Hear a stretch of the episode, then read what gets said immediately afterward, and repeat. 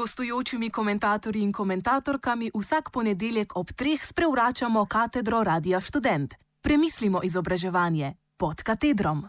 Ko sis izvisi, univerza, intelektualci, študirajoči subjekti, samoklicani profesori, svečeniki, politiki in ljudje.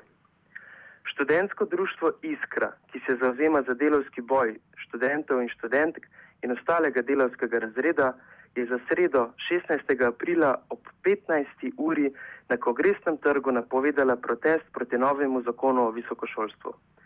Protest bo na istem mestu, kjer so skoraj sto let nazaj, kmalo po ustanovitvi Ljubljanske univerze, študente protestirali proti reduciranju univerze. Skoraj sto let nazaj so se študentje in različna akademska združenja intelektualcev zauzemali za Slovensko univerzo proti globalnim in imperialističnim centrom. Nasproti jim je stala desničarska in klerikalna politika, ki niso videli v progresivnih intelektualcih svojih volilcev ali kapitala. Zadovoljni so bili z obrtniškimi mezdami tujega, pretežno nemškega kapitala. Tudi 50 let kasneje so študente protestirali na Aškrčevi in Titovi cesti, danes slovenski cesti, za vzkliki: Levica ne zavija na desno, ker delavci nimajo avtov. Danes bi lahko to prevedli v levica je na desnici in študenti nimajo zabone. Danes situacija ni nič drugačna. Desničarska in neoliberalna vlada si želi enako, kar si vsa desnica v svoji preteklosti: strogo disciplino ljudstva in avtoritarni režim za nabiranje lastnih dobičkov. Zadovoljna je s presežki, ki jih posreduje že v milijardah mednarodnemu kapitalu na podlagi hlapčastva in zaslužnevanja svojih državljanov in državljank. Sami so odvisni od reprezentacije zato se kažejo kot nekaj uspešnega in dobrega, brez uma ali zmožnega razmišljanja. Minister Jrnej Pikalo ni zmožen izustiti, kaj se šele soočiti študenti in študentkami, ki ga prekašajo v stroki njemu poznani štat Wissenschaft. Ampak meja med mislijo in politiko je ogromna. Ena misli, druga pa služi in to vladarjem. Ministrov vladar, strankarski kolega, je Ivan Svetlik, njegov bodoči šef, politični mentor pa šef stranke socialnih demokratov Igor Lukšič. Seveda, ni enostavno delati pod pogoji, ko univerzo obletuje ena stranka in mora njim odgovarjati, namesto pa ljudstvu in delavcem, ki so v resorju. Formalna šefica pa je Alenka Bratušek, ki izvaja religiozne stavke, ki delujejo kot neoliberalna molitev. Skratka, prostor brez misli in v kar se trudijo spremeniti tudi prostore univerze. Logika predlaganega zakona je neoliberalna, ker tvorce žene zavist, ker finančniki in menedžeri služijo masne dobičke, ker s krediti zasužnjujejo ljudi. Ostali so brez, ker so se odločili za akademsko, drugič pa politično kariero. Zato bodo raje vrednotili mlade in zaposlene kot blago, ki bi jih radi prodajali drugam. Tako imenovani znanstveni menedžeri na Zahodu, ki so vedli gromozanske šolnine na prvi in drugi stopni, se soočajo, da so teh študentskih dolgov ne morejo nasititi z mlekom in medom. V Združenih državah je študentski dolg narastel do te mere, da je postal nacionalni problem.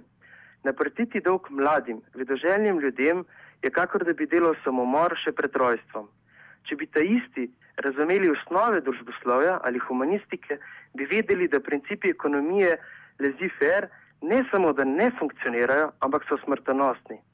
Odločili so se, da bodo naredili gospodski prevzem, kar je primerljivo z buržoazno kontrarevolucijo, danes menedžersko revolucijo.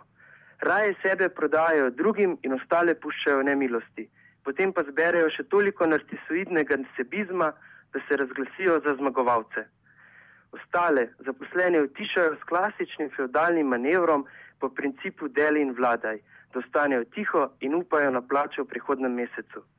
Sami so odvisni od marketinških taktik in retoričnih spletk, samo zato, da se ohranjajo na oblasti.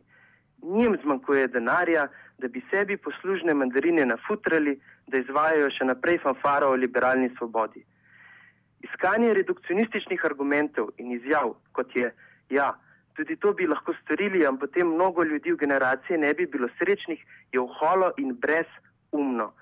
To je generacija, ki je zrasla na ne samoumevnih socialnih dobrinah in pravicah, na desetletju delovskih bojev proti kapitalizmu in njihovi predniki so zgradili vsaj toliko blaginje, da se je zgradila univerza, sociala ter zdravstvo.